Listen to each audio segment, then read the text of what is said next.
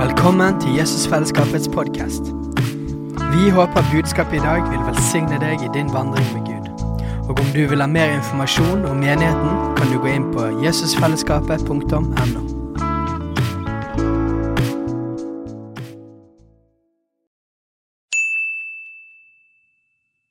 Hei! Visste du at Jesusfellesskapet starter en ny bibelskole til høsten? Den heter Jesusskolen og starter den 3. september. Gå inn på jesusskolen.no for mer informasjon. Um, my name is Jonathan. Jeg heter altså Jonathan. I'm from uh, New York State, Jeg er fra staten New York and uh, so I just got off the plane earlier today, og kom av flyet tidligere i dag. and uh, first time in Norway. Første gang jeg er i Norge.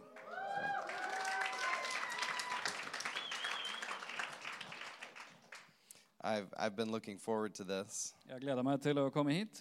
I met uh, Peter last summer, Jeg møtte Peter i fjor sommer, and then last fall again, og så i fjor høst. and so he connected all this to make this come together. Så det er han som har knytta kontakten og sørga for at dette har skjedd. Um, we are coming off of the Easter weekend, Så nå er vi altså i ferd med å avslutte påskehelga. and uh, so tonight is sort of your Easter service Så i kveld er på en måte påskegudstjenesten deres. because you didn't have one yesterday, For dere hadde ikke en i går. so we're carrying it over a little bit. Så vi f følger opp det med påske fortsatt. So we'll start tomorrow on the equipping the equippers, Så i, fra i morgen skal vi ha undervisning da om dette med tjenestegavene. and tonight will be a little bit different. I kveld er litt annerledes.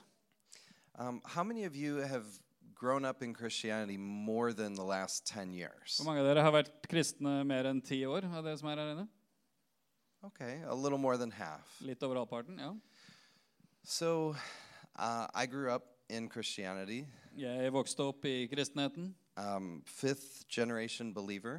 Femte generasjons troende. Um, my parents met and married at a Bible school, Foreldrene mine traff hverandre og ble gift mens de gikk på bibelskole. so I grew up really knowing the stories and, and the Bible. Så jeg vokste opp, og jeg kjente historiene, jeg lærte Bibelen å kjenne. And eventually, I actually started to not like Easter. Og etter hvert så begynte jeg å ikke like påske. It was very religious, For det var veldig religiøst. at least in my background. I hvert fall i min bakgrunn. It was one of those Sundays where everybody dresses up a lot more Det var en sånn søndag hvor alle kledde seg enda finere. and they're much more stuffy and proper. Og de var enda mer oppstilte og fromme. And I felt like there's something not celebratory about this. Og jeg bare merka at det er noe som ikke akkurat er veldig feirende i dette her. It was like we were performing harder for Easter. Akkurat som vi prøvde å prestere enda mer fordi det var påske. A few years ago, Så for noen år siden um, my eyes started to open så begynte øynene mine å åpne seg to some insights about Easter, når det gjaldt innsikt i det med påske. and it really changed my view. Og det forandra virkelig min måte å se på påsken på. And so I, I want to share some of those insights with you tonight. Så jeg har lyst til å dele noen, noen av de innsiktene i kveld. Now, if you're if you're one of the newer believers, Hvis du er en forholdsvis ny troende, maybe you don't have that that perception of Easter, kanskje har ikke du den oppfatningen av påske som jeg kommer fra. and that's wonderful. Og det er jo veldig bra. But if if you've grown up in the church, Men hvis du er oppvokst i menighet, then it might just feel like, oh, here we go again, another Easter. så er det lett å tenke OK, så var det på'n igjen. Enda en påske. I've heard this story, I know this story. Jeg har hørt den historien, jeg kan den. But if you can open your mind tonight, Men hvis du vil åpne sinnet ditt i kveld, I want to give you a fresh perspective. Jeg har lyst til å gi deg noen nye perspektiver. Now, I'm going to tell you what I call the modern gospel.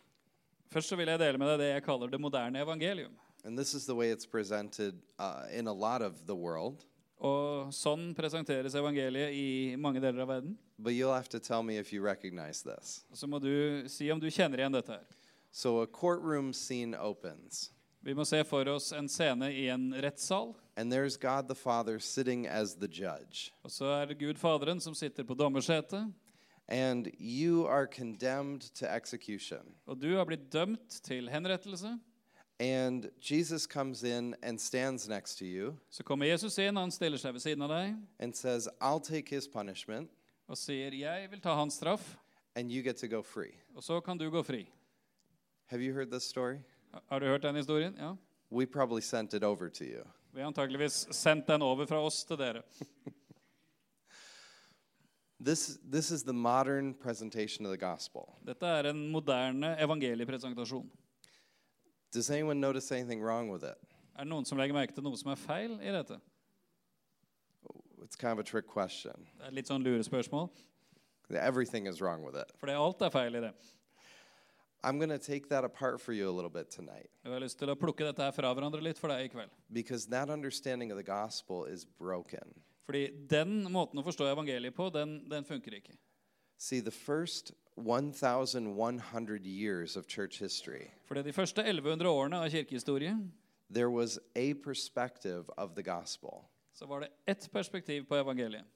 And then it began to change in the 1100s. Men så ute på 1100-tallet så begynte dette å forandre seg. And it, it had a little change in the 1100s, Det ble litt forandring på 1100-tallet, but it was then changed dramatically in the 1500s. men så ble det forandra dramatisk på 1500-tallet. Some of the reformers in the 1500s, Noen av reformatorene på 1500-tallet, their background was that they were lawyers. bakgrunnen deres var jurister. And so, with that perspective, Og med det som bakgrunn they put the gospel through a lawyer's perspective. så s- viste de evangeliet gjennom synspunktet til en advokat. So, the modern presentation of the gospel, the good news, Så den moderne framstillingen av evangeliet, de gode nyhetene, comes through the eyes of a lawyer. får du gjennom øynene til en jurist. And the original perspective, Mens det originale perspektivet, for the first 1,100 years, de første 1100 årene, was a relational perspective, var et relasjonsperspektiv. a family Et perspective. familieperspektiv. Very different. Og det er veldig forskjellig. So, the, f- to really get the, the modern gospel, to really understand it, For virkelig å forstå dette moderne evangeliet, it's not just that Jesus takes your place and you get to go, så er det ikke bare det at Jesus tar din plass, og du går fri. but then Jesus goes through this horrific death, Så går Jesus gjennom denne forferdelige døden, and you add in a few verses, og så legger man til noen vers. like Jesus on the cross saying, My God, my God, why have you forsaken me? Som at Jesus på korset sier, 'Min Gud, min Gud, hvorfor har du forlatt meg?' And that perspective of understanding that Og måten å forstå det på says that God the Father had to turn away from the Son. sier at Gud, Faderen, måtte vende seg bort fra sønnen. He could not look at the sin that Jesus was carrying. Han kunne ikke se på synden som Jesus nå bar. And in Isaiah 53, Og i Jesaja 53 it says that it pleased the Father to crush him. så står det at eh, behaget Faderen å knuse ham. What do we do with a verse like that? Og hva gjør vi med et sånt vers? Here's what happens with the modern gospel Og her er det som skjer i det moderne evangelium.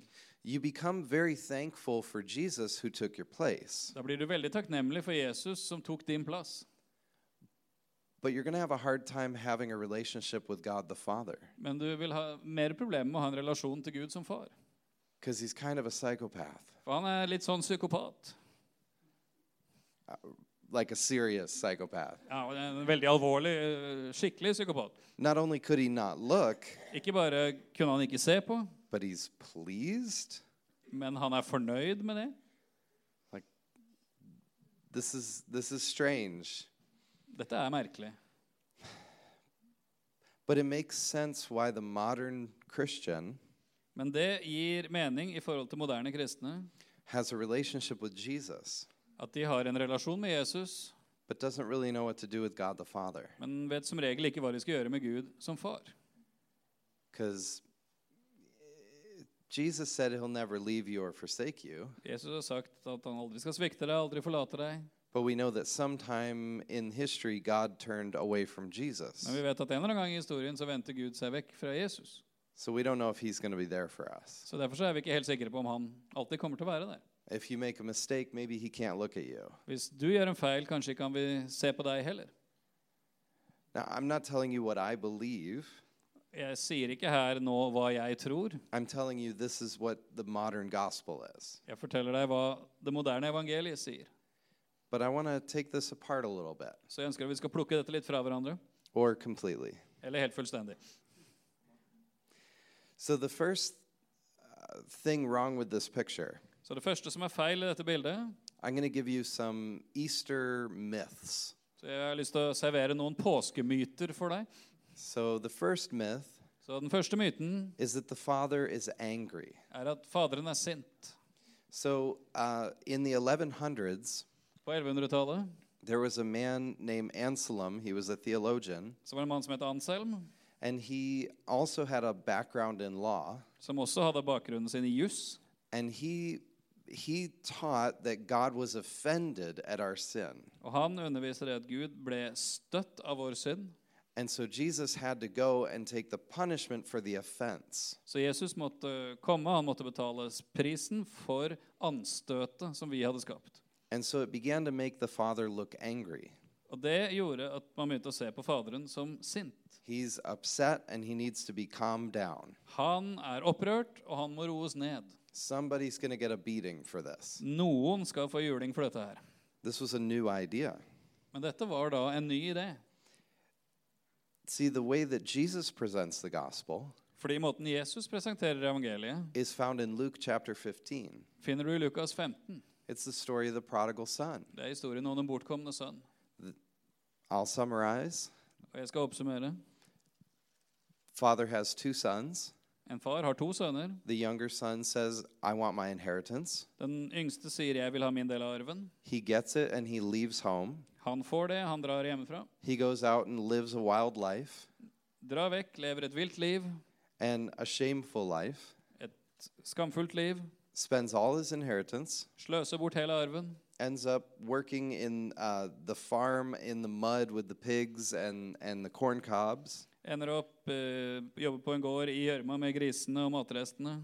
So he finally comes home to his father, Og til slutt så kommer han hjem til Faderen, and the, the father begins, or the son begins to apologize. og sønnen begynner å be om unnskyldning. Just make me like one of your servants. Og bare la meg få være en av dine tjenere. I, I- he's not demanding to be a son again. Han forlanger ikke å få bli en sønn igjen. I- If you go back to the beginning of the story, Hvis du går tilbake til begynnelsen av den historien for a son to demand his inheritance Hvis en sønn skulle kreve å få sin arv, is basically saying, I wish you were dead. så er det som han sier til sin far, 'Jeg skulle ønske du var død'. He's demanding that before his father has died. Han krever å få noe altså før faren er død, It's a very hurtful statement. som er en veldig sårende ting å si. So the son comes home and he doesn't expect to be a son. Så sønnen kommer hjem uten forventning om å få være en sønn. He expects to be a servant. Han forventer å være en tjener. But the father, he throws a robe around him Men faren legger en kappe rundt han, and a ring on his finger setter ring på fingeren and hans, sandals on his feet. sandaler på føttene He restores his identity as a son. og gjenoppretter identiteten hans som en sønn. He's not even listening to this apology Han hører ikke engang på hele unnskyldningen or this request to be a servant eller begjæringen fra sønnen om å få være en tjener, because none of that matters to him. for det er ingenting av det som betyr noe for ham. Because the son is already forgiven. For det sønnen er allerede tilgitt. He's not angry. Han er ikke sint. He's not saying, You have to pay back what you took. Han sier ikke 'nå må du betale meg tilbake alt det du tok'. Who's going to be punished for what you did? Hvem skal nå betale prisen og ta straffen for det du gjorde? So there's no angry father. Så det fins ingen sinna far. This is how the gospel that Jesus gave us Well, is, is shared, Og dette er sånn Jesus delte evangeliet med oss. which is very different than the angry judge Som er en veldig annerledes historie enn den sinte dommeren, who demands payment and punishment. som forlanger betaling og straff. So you have a, a kind, forgiving father. Så du har en mild, tilgivende far. So I think I'm going to go with what Jesus says about the father. Så jeg tror jeg velger å forholde meg til det Jesus sier om Faderen. Does that sound like wisdom to you? Høres det ut som visdom for deg? Ja. Okay, so the Father is kind and forgiving, Så Faderen er vennlig, og han er tilgivende. not the the uh, punishing judge Ikke den straffende dommeren that we got from the 1500s. som vi fikk med oss fra 1500-tallet. So he's kind and forgiving, and he wants his family to come home. Han er mild, han er tilgivende, og han ønsker at familien hans skal komme hjem. This is the gospel. Det er evangeliet. The Father loves you, Faderen elsker deg. He's forgiven you, Han har tilgitt deg. and He wants you to come home and have a relationship. Han vil at du skal komme hjem igjen og få en relasjon med han. That's the gospel. Det er evangeliet. But we have some of these things that have distorted how we see Him. Men så har vi en del ting som har forvrengt hvordan vi ser han. I mentioned uh, that on the cross, Jeg nevnte det at på korset Jesus says, My God, my God, why have you forsaken me? så sier Gud, Jesus, min Gud, min Gud, hvorfor har du forlatt meg? And that's, that's a hard one to understand Og det er en sånn sak som er vanskelig å forstå. because as a reader nowadays, For når vi leser det nå i vår tid, we might not realize that Jesus is quoting one of the Psalms. så er vi kanskje ikke helt klar over at Jesus faktisk siterer en av salmene. Or even if we know that he's quoting a Psalm, Eller til og med om vi vet at han siterer en salme, we might still miss the point. så kan det være vi fortsatt går glipp av poenget. See, right now in our Bibles, Fordi akkurat nå, i våre bibler, we have 150 Psalms, så har vi 150 salmer. but they weren't numbered back then. Men de hadde ikke tall på seg når de ble skrevet. So what he's quoting is from Psalm 22. Og det Jesus siterer, finner vi i Salme 22. But the name of a psalm back then Men navnet på en salme på den tiden was actually the first sentence of the psalm. var faktisk første setningen i salmen. So he didn't yell out, Psalm 22. Så han sa ikke nå nå siterer jeg Salme 22, Instead, he yells out the first line from the psalm. men han roper ut den første linjen eller strofen fra salmen. And everybody who's standing there watching Og alle som står der og ser på, is going to think of the contents in Psalm 22. vil automatisk tenke på sammenhengen i Salme 22. For, for us, we might not know what's in Psalm 22, Og for oss er vi, vet vi kanskje ikke hva det står om i Salme 22.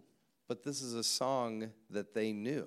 Men dette var en sang som de som sto der og hørte Jesus si, det kjente. They all have this memorized. Alle de kunne denne utenat.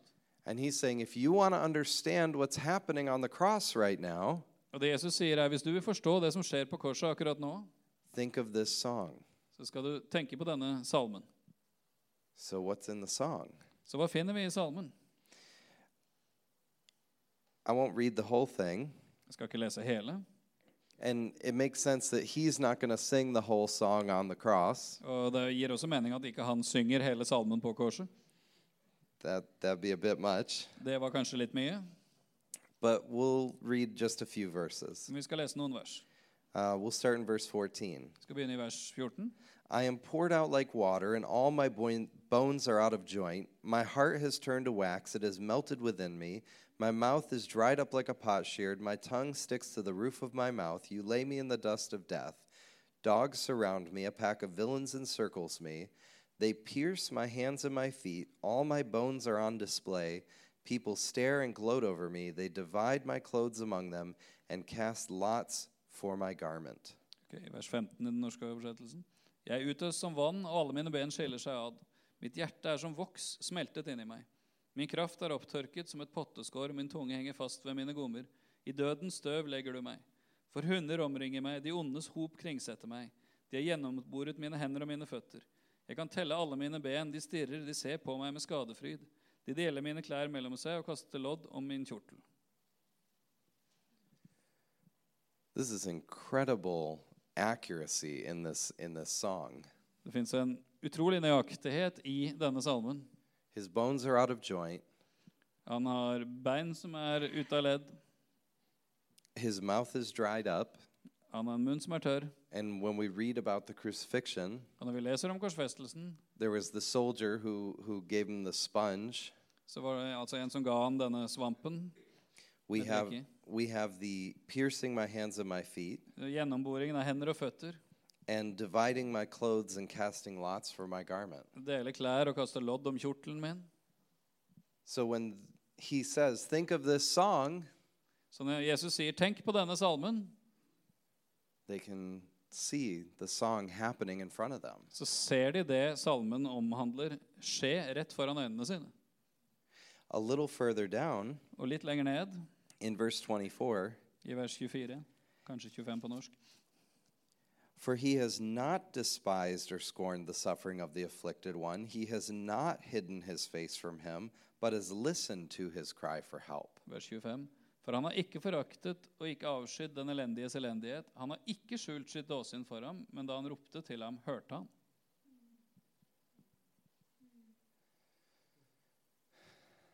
The exact opposite of what we have believed. Nøyaktig det motsatte av det vi har trodd. He has not turned his face from him. Han har ikke vendt sitt ansikt bort fra ham. But we only thought, he said, Why have you forsaken me? Men vi tenker bare at han sa, 'Hvorfor har du forlatt meg?' But that's him saying, Think of the song.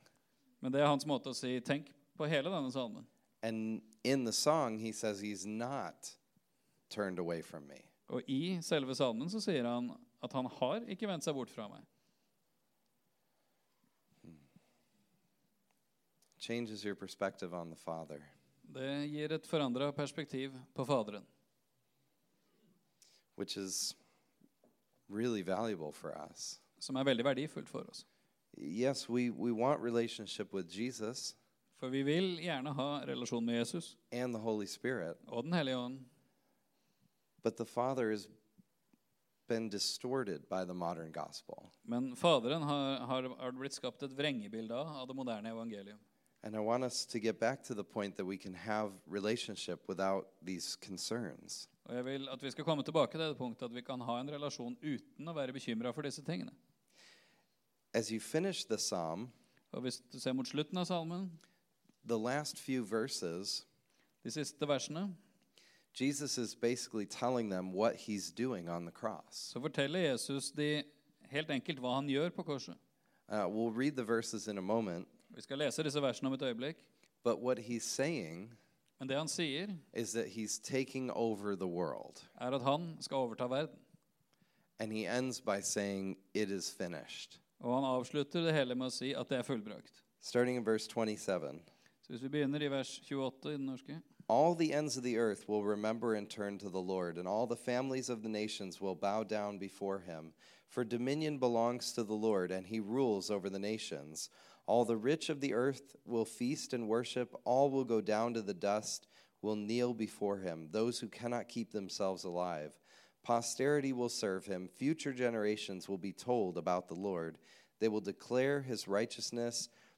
Uh, they will proclaim his righteousness, declaring to a people yet unborn, He has done it. fra vers 28. Alle jordens ender skal komme det i hu og vende om til Herren, og alle hedningenes etter skal tilbe for ditt åsyn. For riket hører Herren til, og han hersker over folkene. Alle jordens rikmenn skal ete og tilbe, for, for hans åsyn skal de bøye seg, alle de som stiger ned i støvet, og den som ikke kan holde sin sjel i live. Etterkommerne skal tjene ham. Det skal fortelles om Herren til etterslekten. De skal komme og kunngjøre hans rettferdighet for det folk som blir født, at han har gjort det.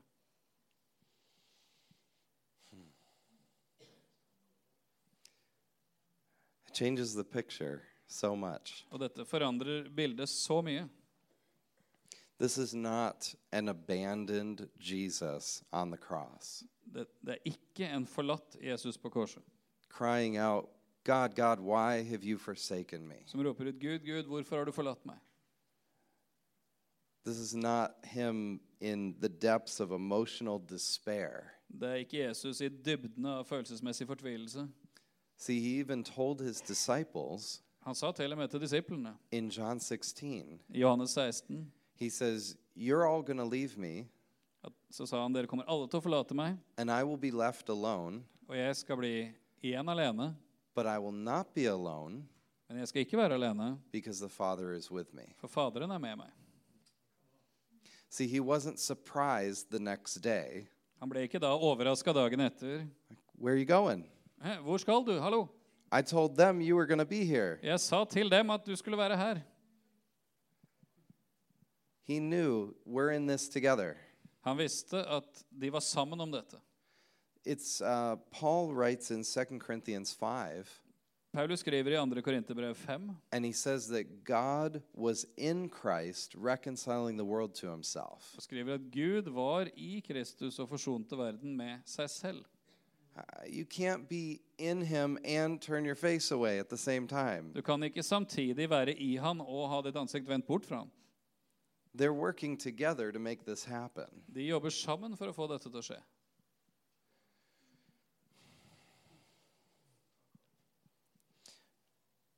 Our third myth Tredje myten is that the Father punished sin. er at Faderen straffet synden. Now, your financial system might be different here, Kanskje er øko det økonomiske systemet annerledes her, so hopefully this picture will work for you. men forhåpentligvis så funker dette bildet for dere. But we're going to pretend for a minute that, that I'm a bank Nå skal vi late som om jeg er en bank, and Steiner is going to buy a home og Steinar skal kjøpe seg et hus. and he's going to come to me to get a mortgage. Og så kommer han til meg for å få et lån. Now, what's, a, what's an average mortgage here? What's that going to cost? Og Hva er et gjennomsnittlig huslån her? Hva- Hvor mye Give me a number. Three and a half million. That's totally normal. ja, Så 3,5 millioner kroner. Helt normalt. That sounds very expensive. Okay. okay. Yeah, yeah. Exchange rate. So. okay, so he comes to get three and a half million dollars from the bank, Så Steinar kommer for å få 3,5 millioner i lån fra banken. or crowns, we'll say. Ja, eh, ja. Kroner, ja. Ikke dollar, nei. nei ja, ja, det, It's a very nice home. ja, veldig fint hus. Doing something other than pastoring, I see. Så du driver med mer enn menighetsledelse? Altså, ja, ok, ja. Ja. and I say, okay, it's going to be a 20 year mortgage, Så jeg sier ok, det blir et lån over 20 år, and you're going to pay every month, og du skal betale hver måned. and we make an agreement. Og så inngår man en avtale. So 20 years goes by, Så går det 20 år, and he has faithfully paid every single month. og han har betalt trofast hver måned. He's paid every every cent of this bill. Han har betalt hvert øre av denne regningen. And he's expecting a letter from the bank Og så forventer han å få et brev fra banken and it will say paid in full. som sier at nå er gjelden betalt til fulle. He might frame it and put it on the wall. Det kan være han rammer det inn og henger det på veggen. I did it. Ja, greit det. So he doesn't get a letter that says paid in full. Men så får han ikke et brev som sier at alt er betalt. Instead, he gets a letter from me Isteden så får han et brev fra meg that says your debt has been forgiven. som sier at gjelden din har blitt ettergitt. But are you getting your money back? Men, eh, Betyr det at du får penga igjen, eller? No. Nei. You paid it, Du har betalt for det, but I- but I'm forgiving the debt. men jeg ettergir deg gjelden. But I'm going to keep all your money. Og så beholder jeg alle pengene dine. But I forgive your debt. Men jeg, jeg, jeg ettergir deg gjelda. Thank you for the money. Tusen takk for pengene. Do you see the contradiction? Ser du motsetningen her? Paying a debt and forgiving a debt, you can't have both. Du kan ikke både betale en gjeld og ettergi en gjeld. It's either one or the other. Enten så får du det ene, eller så får du det andre.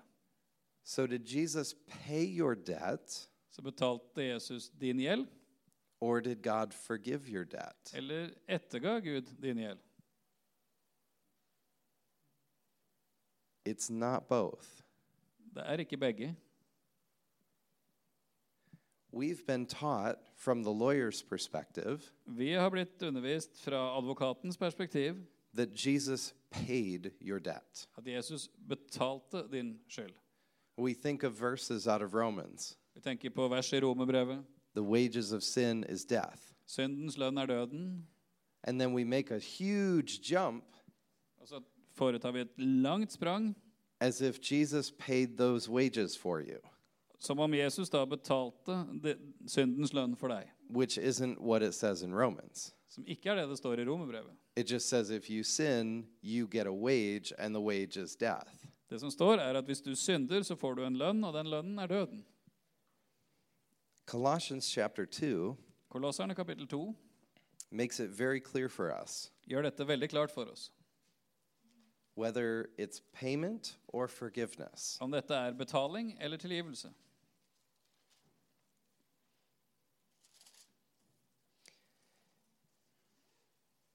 Starting in verse 13 Så vi begynner i vers 13. When you were dead in your sins and in the uncircumcision of your flesh, God made you alive with Christ. He forgave us all our sins, having canceled the charge of our legal indebtedness, which stood against us and condemned us, he has taken it away, nailing it to the cross. Også dere var døde ved deres overtredelser og uomskårne kjød. Men Gud gjorde dere levende sammen med Kristus idet han tilga oss alle våre overtredelser. Han utslettet skyldbrevet mot oss, som var skrevet med bud, det som gikk oss imot. Det tok han bort da han naglet det til korset. See, the, the cross was not payment for your sin, Du skjønner, Korset var ikke betalingen for din synd. it was debt cancellation. Det var avlysningen av gjelda di.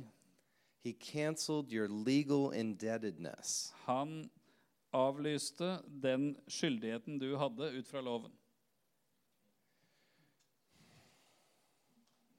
It'd be more like if we made a deal to give you a mortgage, Det blir mer som hvis vi inngår en avtale om at du skal få et lån, but before you made the first payment, men før du har betalt første avdrag, I said, Now I forgive your mortgage. så sier jeg nei, nei, jeg ettergir deg gjelda. You, you get to keep that, Du kan beholde det du har fått, and it's forgiven. og det er ettergitt. You say, Don't, don't I have to pay something? Ja, men Må jeg ikke betale et eller annet, da? Like, no, we chose to forgive it. Nei, vi har valgt å ettergi dette. It's even better. Enda bedre. Hey, guys. Hey. Oh, it's a long walk. All the, yeah. Langt å gå fra Sverige. ja.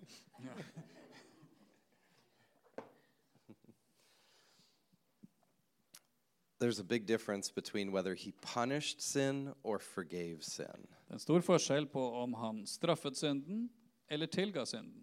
How many of you are parents? Hvor mange her inne er foreldre?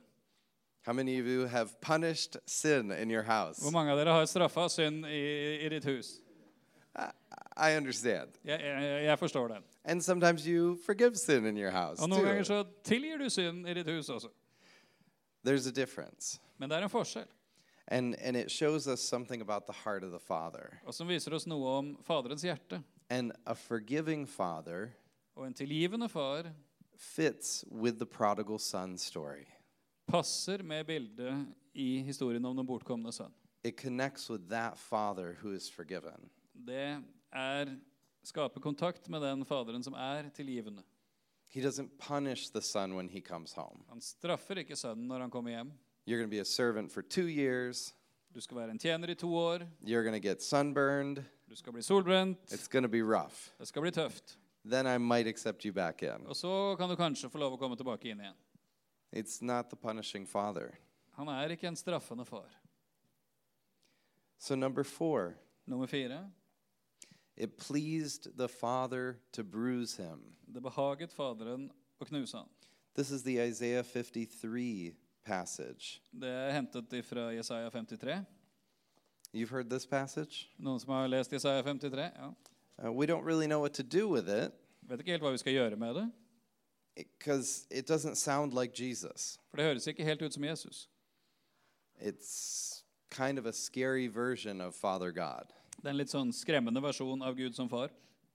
And it's Isaiah 53, verse 10. Jesaja 53 og vers 10.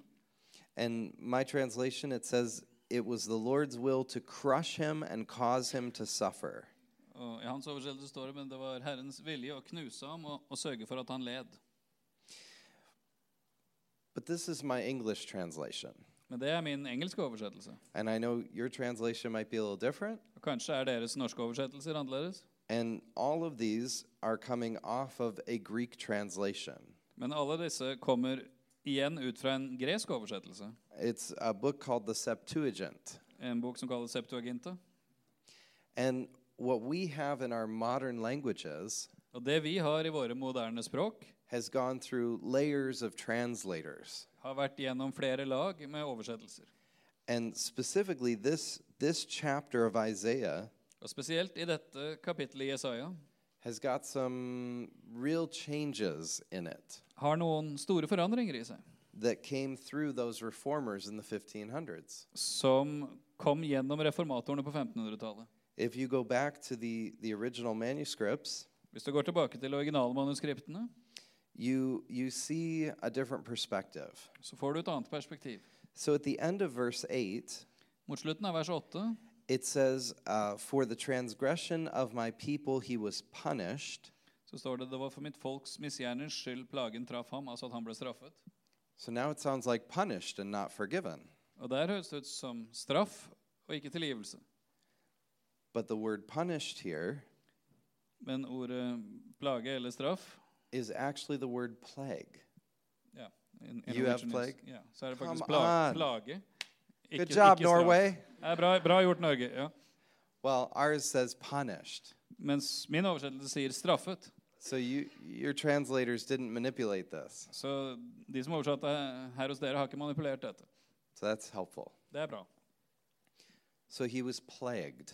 Så han ble plaget. Now this this gives a different perspective Og det blir et annet perspektiv. because sin is seen as a disease that was put on Jesus. For da blir, blir synd å se på som en sykdom som ble lagt på Jesus.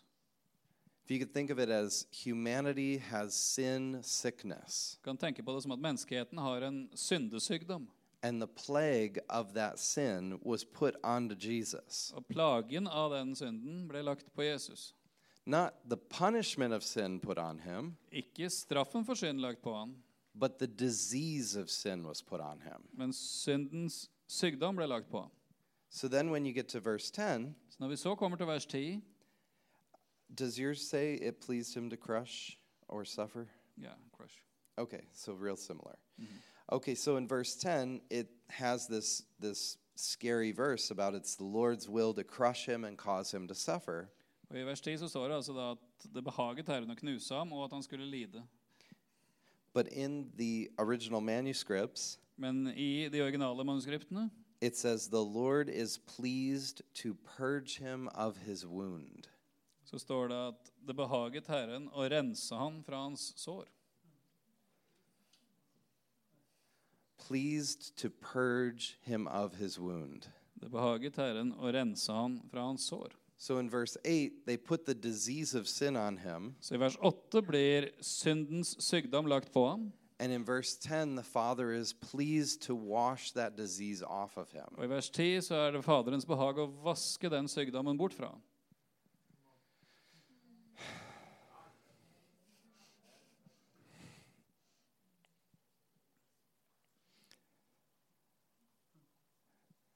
See how many of these distortions we have. For vi har mange sånne forvrengninger Could really mess up your Easter.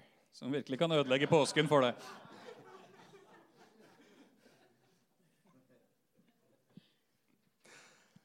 All right, number five. Så nummer fem We must plead for forgiveness. Vi må bønnfale for å få tilgivelse. Now, depending on how religious you grew up, Alt avhengig av hvor religiøs din bakgrunn og oppvekst er. you may have gone to a church in the past Kanskje har du gått i en eller annen menighet tidligere where you had to come forward and, and kneel every week hvor du måtte komme fram og knele hver uke and repent for whatever you did in the last six days og omvende deg fra alt du har gjort de siste seks dagene, before your heart would even let you sing the songs. før hjertet ditt kunne tillate seg å synge sangene. Because you come in carrying all this, this yuck. Fordi du kommer inn og du bærer all denne gørra med deg. You're like, I don't know, I I can't sing and I'm dirty right now. Jeg kan ikke synge, for jeg er uren og skitten akkurat nå. And you carry all that stuff until you repent, Og så bærer du med deg alt dette her til du omvender deg. and then you're, oh, I feel better. Å, nå føler jeg meg bedre. Now I can sing the song. Nå kan jeg synge. Anybody relate to that? Noen som kan kjenne seg igjen i det? Okay. The thought that I'd like to challenge with that Og den tanken jeg har lyst til å utfordre det med, is that we get into our mind the idea that God is waiting for us to repent good enough. er at vi får en tanke inn i våre sinn at Gud venter på at vi skal omvende oss nok. He's looking and he's saying, Well, Han ser på oss, og så sier han vel You apologized for that last week, Ja, du ba om tilgivelse for det i forrige uke også. and then you did it again. Og så gjorde du det igjen. You've apologized a thousand times for that, Du har bedt om tilgivelse for dette tusen ganger. and I'm supposed to forgive you again. Og så skal jeg tilgi deg igjen? You didn't even cry. Du gråt ikke engang. How do I know I can trust that you're not going to do it again? Hvordan kan jeg da stole på at ikke du kommer til å gjøre det igjen? So in your heart, you're like trying to convince him, Så i ditt hjerte prøver du å overbevise han. come on, like it'll really work this time. Og det skal funke denne gangen. If you could forgive me one more Sunday, Bare tilgi meg én søndag til, this might be the last time. så er dette kanskje siste gangen. Any of you know what I'm talking about? Er det noen her som skjønner hva jeg Ja. snakker om? Ja. Here's here's the truth though. Mens sannheten er noe helt annet. 1 John chapter 2 verse 2 says, 1. Johannes 2,2 sier "He died not for our sins only, han døde ikke bare for våre synder, but for the sins of the whole world." men for hele verdens synder.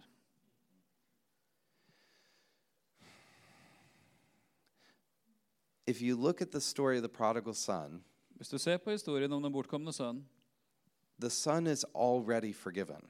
så er sønnen allerede tilgitt. I, I call it pre-forgiven. Jeg jeg kaller det altså at han er pre-tilgitt, altså tilgitt på forhånd. You were forgiven before you sinned, Du ble tilgitt før du synda, while you sinned, mens du synda, after you sinned. etter du synda. Forgiveness was already there. Tilgivelsen var der allerede. This is where some people go way off into bad doctrine. Og det er her noen sporer helt av i dårlig l- lære.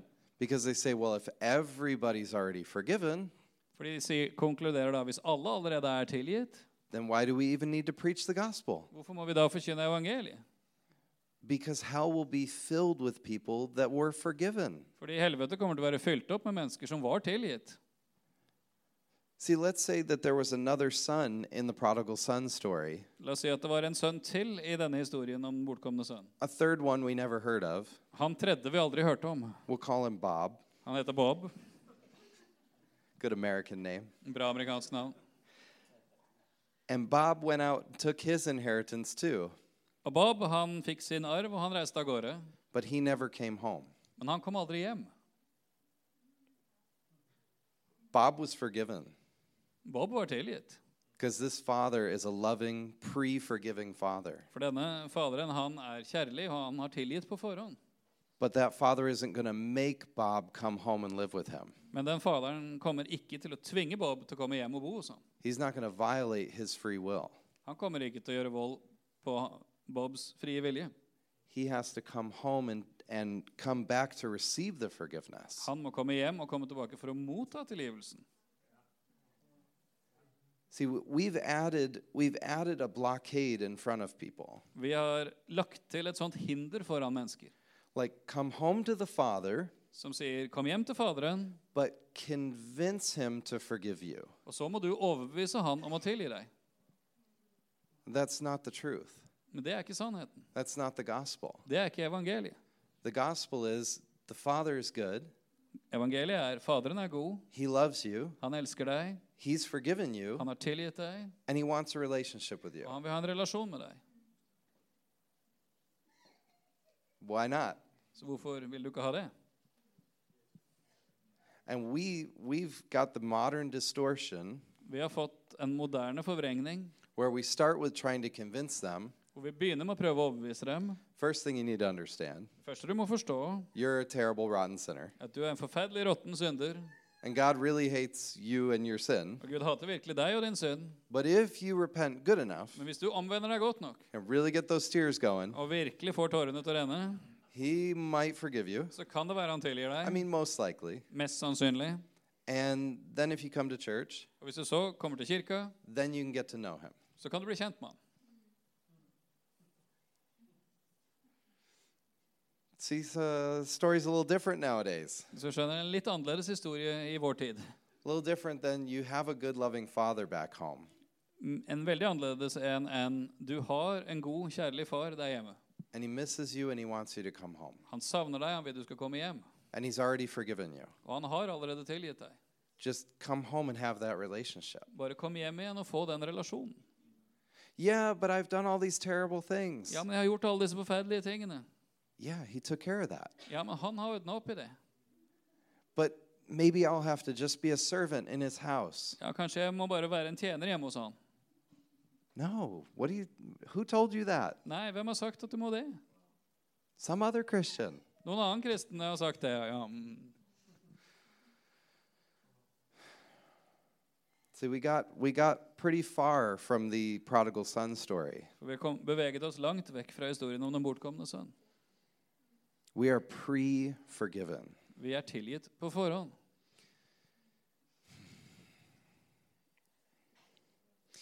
Uh, let me give you a picture for this. La meg gi deg et bilde på dette her.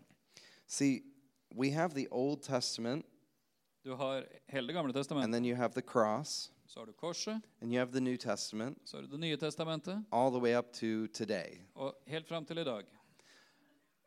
How did people in the Old Testament get saved? Hvordan ble mennesket frelst i Det gamle testamentet? What happens is, is essentially a prophetic act.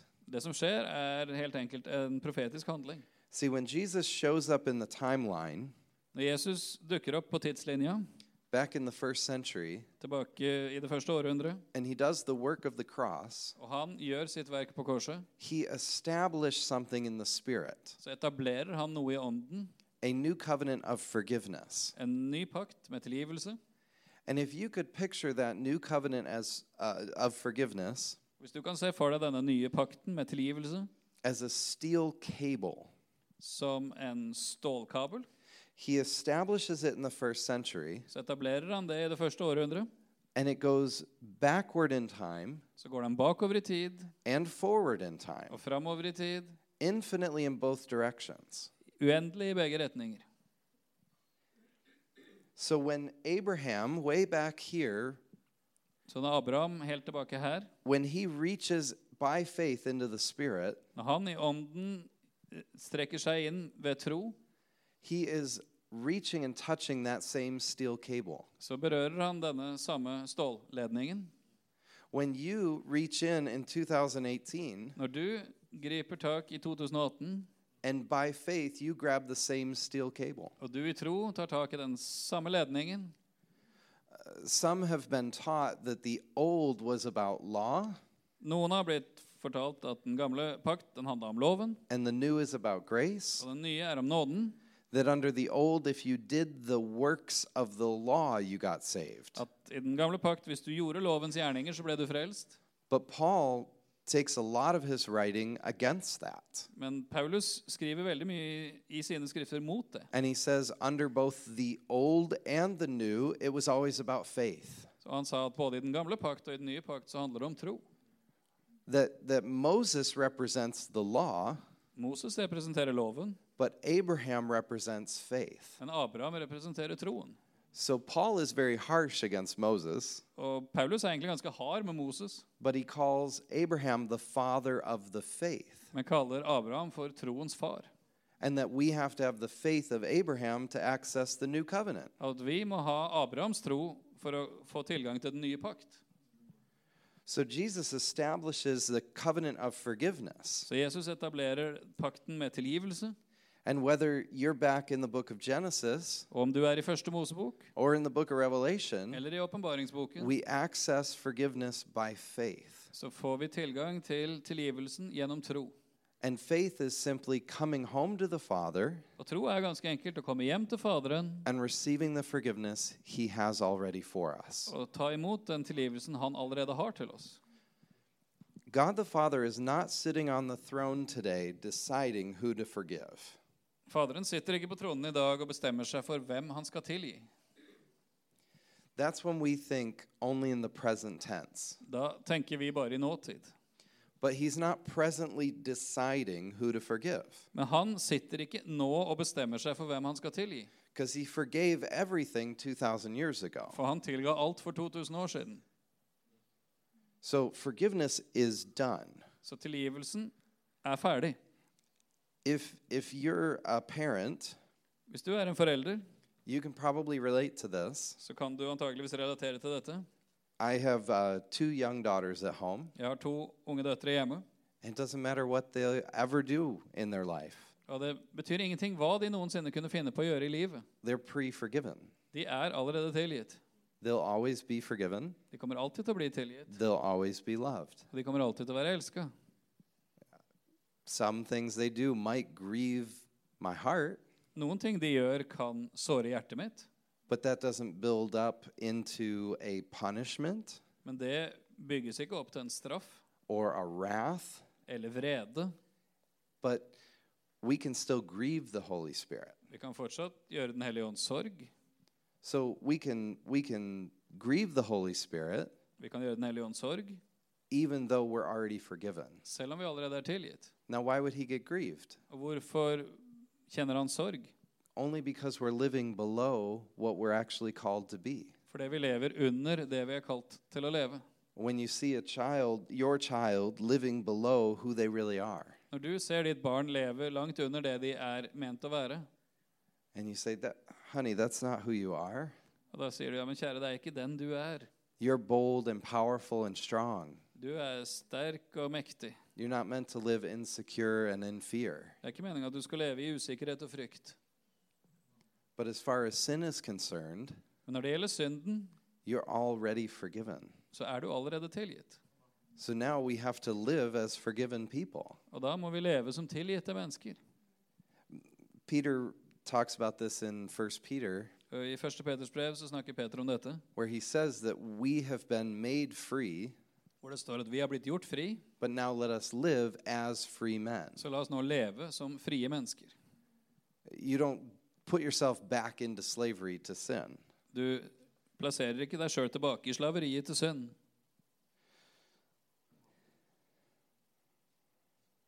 Number six, Nummer seks. you are a sinner saved by grace. Du er en synder frelst av nåde. You have this saying too. Har dere hørt det òg? We probably sent that over here too. Vi har antakeligvis sendt det over til dere, det òg.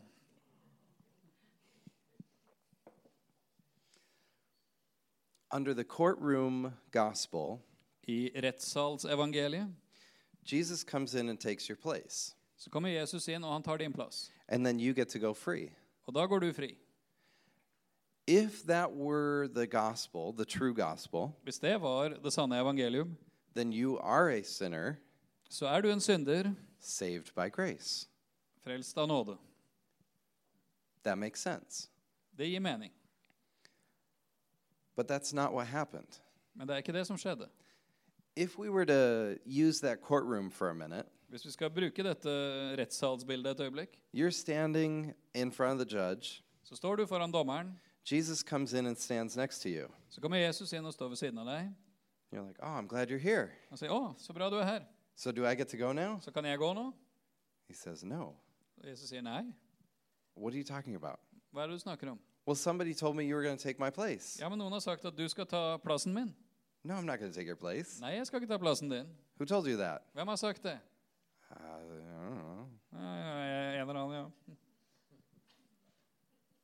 Paul writes in Galatians 2:20, Paulus skriver i Galaterne 2,20 I have been crucified with Christ. Jeg er korsfestet med Kristus. So Jesus comes in and stands next to me Så Jesus kommer inn, stiller seg ved siden av meg with a big weird grin on his face. med et stort, merkelig smil om munnen Says, "We're both going to die." og sier 'Nå skal vi dø, begge to'. You're like, uh, "Okay. Ok. How does that help me?" Og hvordan hjelper det meg? Well, he's going to resurrect us both. Og han skal vekke oss opp, begge to. So Romans 6 Så Romerne 6 Romans 6 says that we were united with him in his death. sier at vi ble forenet med han i hans død, and we will be re- we're also united with him in his resurrection og vi er også forenet med han i hans oppstandelse. so he didn't take your place Så han tok ikke din plass. i know i know that we've heard this that jesus took our place Jeg vet vi har hørt dette. Jesus tok min plass. he did not Men han gjorde ikke det. that's not what the bible says Det er ikke det Bibelen sier. it says he joined you Det står at han var der sammen med deg. that you were crucified with him At du ble korsfestet med ham. you both go into the grave Begge går i graven. you both come out of the grave Begge kommer ut av graven. that's how you become a new creation Og det er sånn du blir en ny skapning. If Jesus comes in and takes your place and lets you go free, Hvis Jesus kommer inn, tar din plass og lar deg gå fri, how'd you become a new creation? hvordan blir du da en ny skapning? You walk out a sinner saved by grace Da går du ut som en synder frelst av nåde. because nothing about you has changed. For da er det ingenting som har forandra i deg.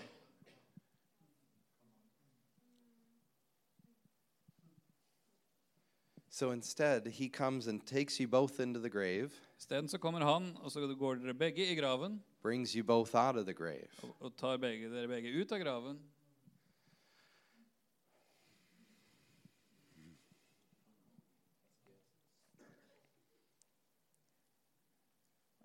Add another detail here.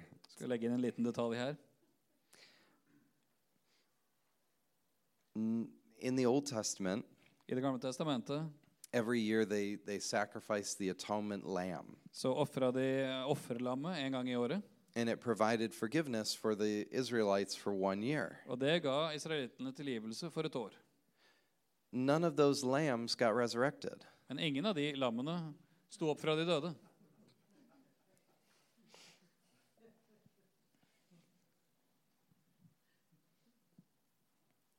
What if Jesus hadn't been resurrected? Hva om Jesus ikke hadde stått opp fra de døde? What if you had a Good Friday, but you didn't have an Easter? Hva om du hadde langfredag, men ikke første påskedag? You'd still be forgiven. Du ville fortsatt være tilgitt. The death and bloodshed of the Lamb provides forgiveness. Fordi døden og utøstelsen av blodet til lammet gir tilgivelse. The Old Testament lambs never had to be resurrected. Lammene i Det gamle testamentet måtte ikke stå opp igjen. So Jesus did something extra. Så Jesus gjorde noe ekstra. He didn't want you just forgiven, Han ville ikke at du bare skulle bli tilgitt. He wanted you to be a new creation. Han ville at du skulle bli en ny skapning.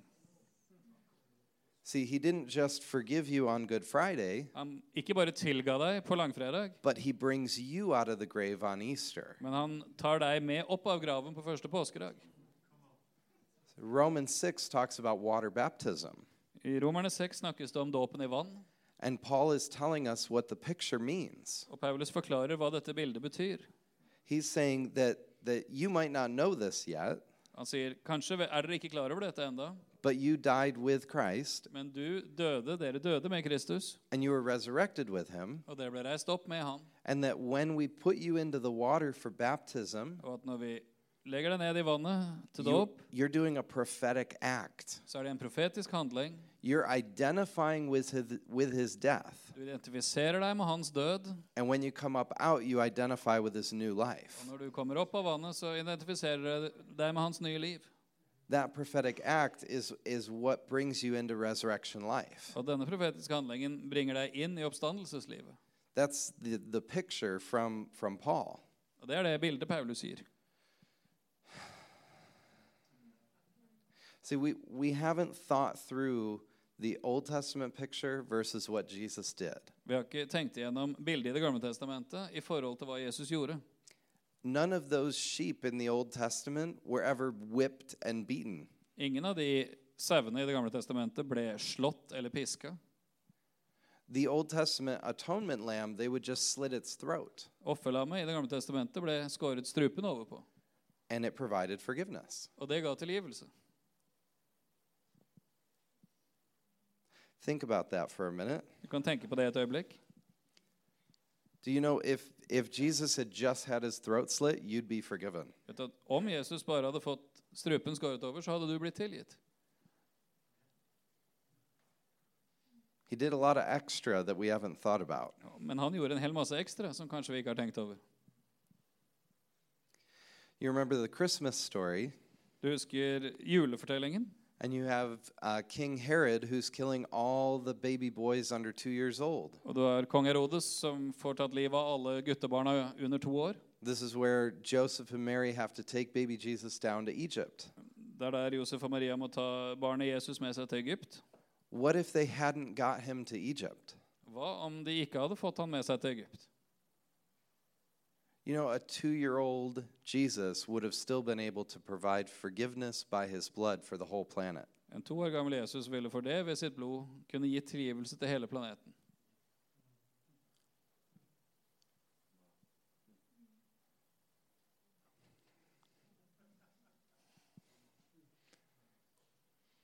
We, we don't think about this, but there's a lot of pieces. Vi tenker ikke over dette, men det fins mange biter her. So, why all the suffering that Jesus goes through? Så hvorfor går Jesus da gjennom all den lidelsen? Well, back in Isaiah 53, Vel tilbake i Isaiah 53 it tells us that by his stripes we are healed. så står det at ved hans sår har vi fått legedom. See, the, the atonement lamb in the Old Testament got you forgiven, Fordi offerlammet i Det gamle testamentet brakte deg tilgivelse, but it didn't provide supernatural healing of your body. men ga deg ikke overnaturlig helbredelse av din kropp. It only got you forgiven. Du ble bare tilgitt, It didn't make you a new creation, gjorde deg ikke til en ny skapning, and it didn't provide healing, skaffa deg ikke helbredelse and it actually didn't even clean your conscience. og ga deg faktisk ikke en ren samvittighet engang. See, in the book of Hebrews, For i Hebreerbrevet står det the writer tells us that they offered the sacrifice year after year, så står det at offerla- offerlammet ble ofra år etter år, and the people would walk away still feeling guilty, men at når folk gikk derfra, så følte de fortsatt på sin skyld, even though they're forgiven. selv om de var tilgitt. They would sacrifice the lamb, For de ofra lammet, they'd take the blood and they'd sprinkle it on the Ark of the Covenant, så tok de av blodet, og de sprinkla det på paktens ark. and according to God, they were forgiven, Og så ble de ifølge Gud tilgitt, but they didn't feel forgiven, men de følte seg ikke tilgitt. and they walked away still feeling guilty. Og de gikk vekk derfra og følte på skyld fortsatt.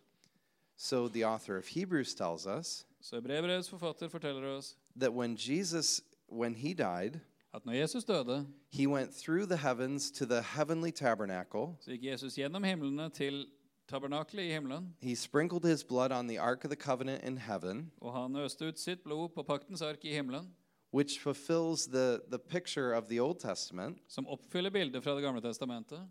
But then it says he puts his blood in a second place. Men så står det også at han plasserer sitt blod på et sted nummer to. It says that he sprinkles his blood on our conscience Det står at han øser sitt blod ut over vår samvittighet to cleanse it from the acts that lead to death, for å rense dem fra døde gjerninger, so that we don't feel guilty. så vi ikke skal føle skyld lenger. It's not new covenant Christianity to feel guilty about forgiven things. Det er ikke å være en kristen i den nye pakt og kjenne på skyld i forhold til ting som er tilgitt. So he puts his blood two places in the new covenant. Så I den nye pakt så plasserer han sitt blod på to steder.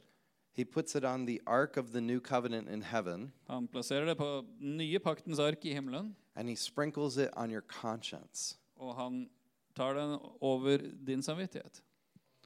This is an important detail Og Dette er en viktig detalj. because those days that you come into the, the worship service Fordi i dagene når du kommer inn i gudstjenesten, and you have all those guilty feelings og så har du så masse skyldfølelse, and you're thinking, I'm going to have to plead for forgiveness and repent again, og så tenker du at jeg må bønnfalle om å få tilgivelse, jeg må omvende meg på nytt. that whole picture we talked about earlier, Hele den greia vi snakka om tidligere her. that's not him toward you. Det er ikke sånn han er overfor deg. That's your conscience. Det er din samvittighet. You defiled your conscience. Du har gjort din samvittighet skitten. The feeling of disconnection between you and loving God the Father, Følelsen av å ikke være connecta med Gud som en kjærlig far. none of that's coming from him. Ingenting av det kommer fra han. All of it's coming from your defiled conscience. Alt det kommer fra din samvittighet som har blitt skitna til. So instead of you approaching the judge on a Sunday morning Så istedenfor at du kommer framfor dommeren søndag formiddag and saying, please forgive me just one more time, og sier 'vær så snill, tilgi meg bare en gang til', you can approach like this så kan du komme på denne måten. Father, I thank you that you've forgiven me. Far, jeg takker at du har tilgitt meg. I receive that Jeg forgiveness. tar imot den tilgivelsen. And I ask that you'd sprinkle the blood on my conscience Jeg ber at du skal stryke blodet over min samvittighet to cleanse it from all that junk, og rense den fra all søpla, all that guilt and condemnation. all skyld og fordømmelse.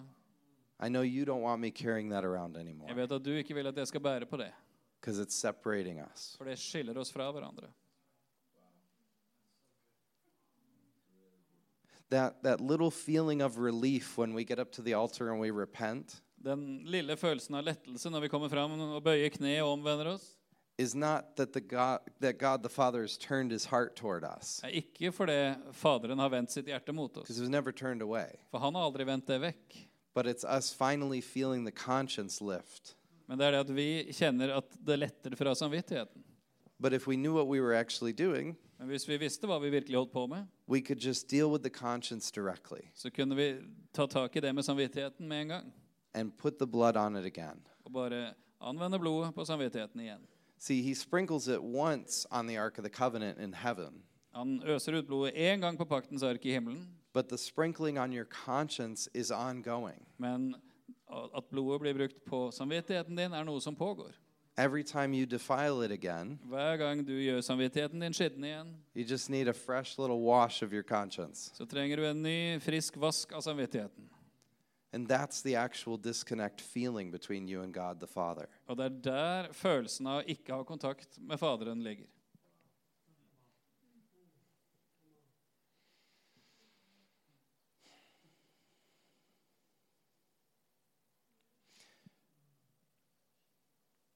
There's so many things that, that happened at the cross.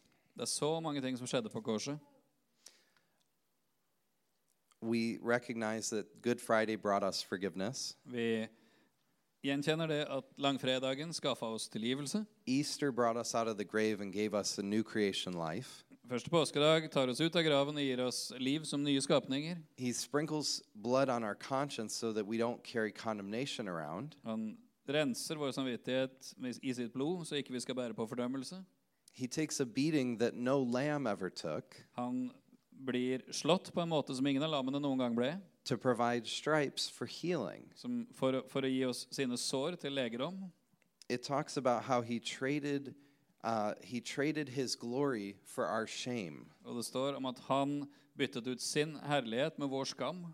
Paul says he traded his riches for our poorness. Paulus sier han eh, byttet bort sin rikdom mot vår fattigdom. There's a huge exchange that's going on. Det er en stor byttehandel som foregår. He takes on the plague of sin and carries it to the cross, Han tar syndens sykdom på seg, bærer den til korset, and the Father washes it off of him og Faderen vasker han ren fra det. as he washes it off of humanity Og vasker det vekk fra hele menneskeheten through forgiveness. gjennom tilgivelse.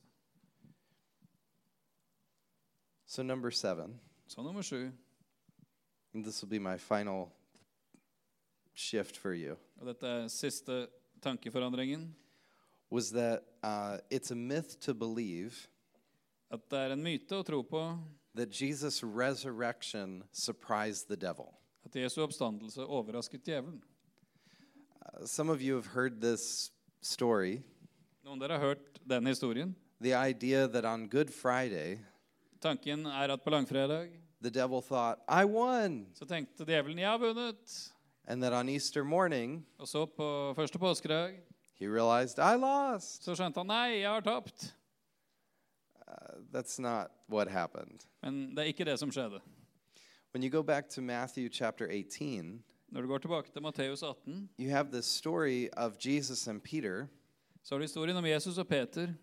and Jesus predicts his death, Og Jesus forutsier sin død. and Peter says, No, my Lord, it'll never happen like that. Og Peter sier, 'Nei, Herre, det må aldri skje deg'. And what does Jesus say to him? Hva sier Jesus til ham? Get behind me. Vik bak meg, Satan. In that moment, Satan is operating through what Peter's saying, I det øyeblikket så opererer Satan gjennom det Peter sier, trying to keep Jesus from going to the og cross. prøver å holde Jesus vekke fra korset. Don't do it. Ikke gjør det. You're going to mess everything up. Du bare roter alt til. The devil's not trying to get Jesus to the cross. Djevelen prøver ikke å få Jesus til korset. He's trying to keep him from the Han cross. prøver å holde ham vekk fra korset. He read Psalm 22. Han har lest Salme 22. He's no dummy. Han er ikke dum. He knows what's going on. Han vet hva som skjer. It says that Jesus, he set his face like flint to go to Jerusalem. Det står at Jesus gjorde ansiktet sitt hardt i bestemmelse på å gå til Jerusalem. That God the Father is in Christ reconciling the world to himself. At Faderen i Kristus forsoner verden med seg selv. See, the Father and Son have a plan Fordi Faderen og Sønnen har en plan to get to that cross. å komme til det korset. See, some people they, they see the prayer in the Garden of Gethsemane Noen ser bønnen i Getsemanehagen, almost like a fight between the Father and Son. akkurat som en kamp mellom Faderen og Sønnen. Like, Dad, is there any other way? Så, pappa, fins det noen som helst annen mulighet? I'm going to ask you three times. Jeg skal be deg tre ganger. Is there any other way? Fins det noen annen mulighet? Not your will, but not, not my will, but your will be done. Ikke min vilje, men din vilje skje. And they see it like Jesus is really struggling against the Father's idea here. Og Det virker som om Jesus kjemper mot Faderens idé her. Like the Father's got an idea, and the devil's trying to make it happen. Som om Faderen har en idé som djevelen vil få til å skje, And Jesus is the one guy who's really not on board with this. og Jesus er han som ikke helt er med på dette her. I don't think that's what's happening here. Jeg tror ikke det er det som skjer her. I think he's at that moment at the, the night before the crucifixion's going to happen, Jeg tror at på det punktet kvelden før korsfestelsen, and he knows the plan. så vet han planen. And he's just asking the Father one more time Og han spør bare Faderen en gang til. Is there any other way we can accomplish the plan? Fins det noen annen måte vi kan fullføre denne planen på? Because this looks really painful. For dette ser virkelig smertefullt ut. Is there just like a, a lamb and then I could resurrect it? Finnes, kan vi finne et lam som jeg kan vekke opp igjen? That's not a good idea. Nei, er ikke det en god idé? Uh, okay. Ok. Is there, could we do, it to, could we crucify Peter? Kan vi korsfeste Peter?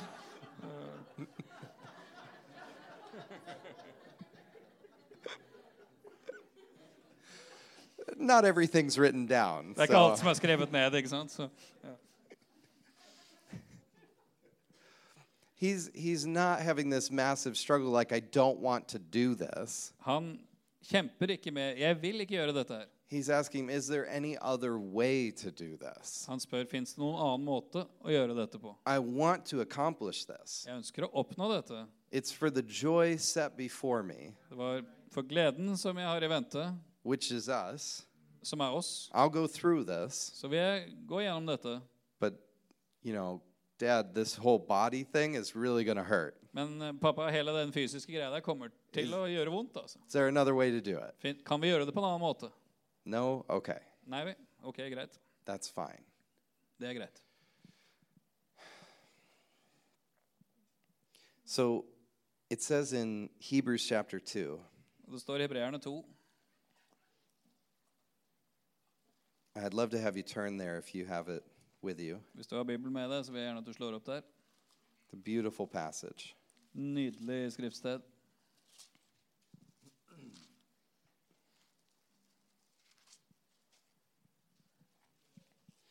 We're going to look at verse 14 and 15. Skal vi se på vers 14 og 15 i Hebreerne 2.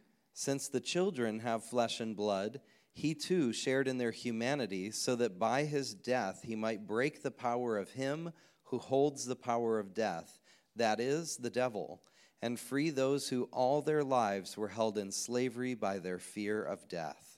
Da nå barna har del i kjød og blod, fikk han også på samme vis del i det, for at han ved døden skulle gjøre til intet den som hadde dødens velde, det er djevelen, og utfri alle dem som av frykt for døden var i trelldom hele sin livstid. I picture it like the Trinity is in heaven one morning. Jeg ser for meg dette som at treenigheten er i himmelen en morgen. The Father, Son, and Holy Spirit are sitting around the kitchen table, Faderen, Sønnen og Den hellige ånd sitter rundt kjøkkenbordet, and they're trying to make a plan of how do we get our kids back? og de legger en plan for hvordan skal vi få barna våre tilbake. How do we provide a way of forgiveness Hvordan kan vi sørge for tilgivelse and reestablish this relationship? og få gjenoppretta relasjonen?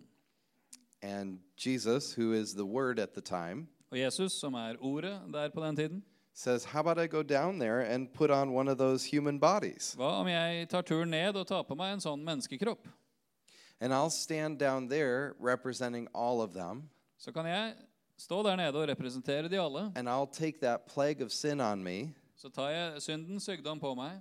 And, you know, let's not just get them forgiven, Og la oss ikke bare gi de tilgivelse. let's provide for healing. La oss sørge for helbredelse, And let's get rid of those guilty feelings they're carrying around. og at de skal få bli kvitt alle de skyldfølelsesgreiene som de bærer på. Uh, let's take that shame that they have and get that off of them. Og f- få fjerna skammen de har fra dem. Let's, let's just deal with all of it at once. La oss bare få gjort opp med alt dette her på en gang. And, and what I'll do is I'll take all of them into the grave, Og så, det jeg vil gjøre, er at jeg tar de alle med i graven, and then I'll resurrect all of us out of the grave. og så vekker vi oss, oss alle opp fra graven, I'll make a whole new creation. og så lager vi en helt ny skapning. And then any anytime one of them comes home and, and receives that forgiveness, Og når enhver av de kommer hjem og tar imot tilgivelsen, they can step into that resurrection life. kan de komme inn i det oppstandelseslivet. We'll provide everything for everybody. Vi skal sørge for alt for alle. And then all they have to do is come into faith. Alt de trenger å gjøre, er å komme inn i tro.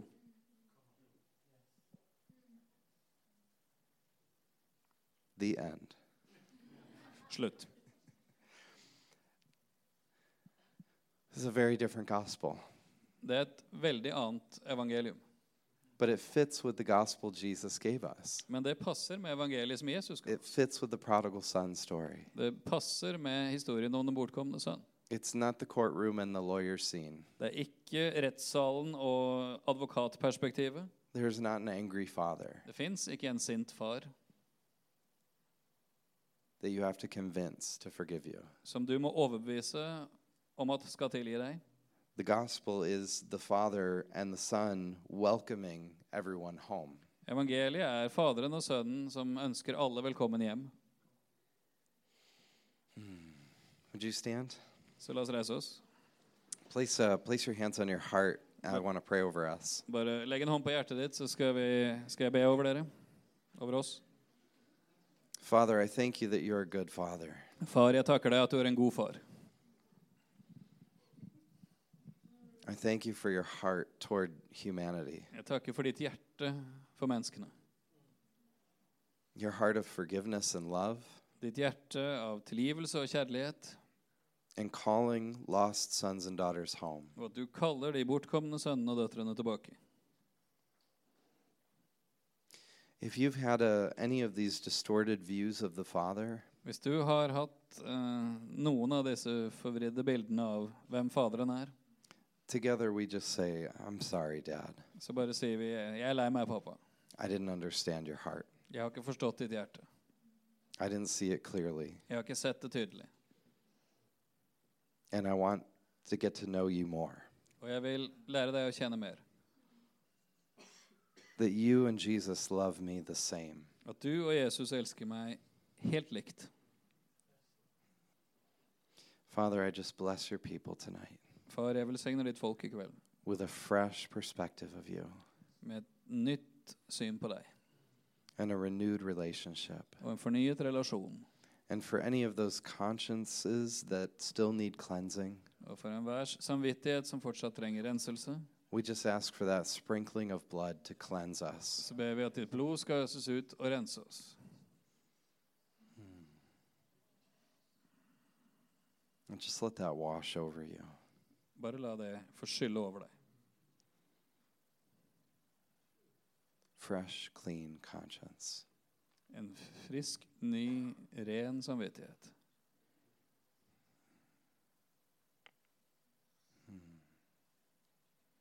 And if you need healing in your body right now, Hvis du trenger helbredelse i din kropp akkurat nå, I just want you to slip one hand up and hold it up for a moment. så bare rekk opp hånda og hold den oppe et øyeblikk. So, Father, every hand that's raised right now, Så far, for hver hånd som er rukket opp akkurat nå, healing has already been provided. så er helbredelse allerede skaffet til veie. And by reaching up, we grab it by faith. Og ved å rekke oss opp, så griper vi det i tro. And I, I just release that healing grace into your body Og jeg forløser Guds helbredende nåde inn i din kropp, as you receive it by faith. og, og du tar det imot i tro. that your health would be restored. At helsen din skal gjenopprettes. I bless you with wholeness and health right now. Velsigner deg med helhet og helse akkurat nå. Some of you will feel warmth go down your arm. Noen vil kjenne at det går varme ned gjennom armen din.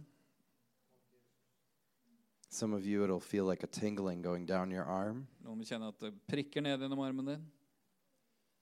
That's just the effect of the Holy Spirit on your body. Det er bare effekten av Den hellige ånd på kroppen din.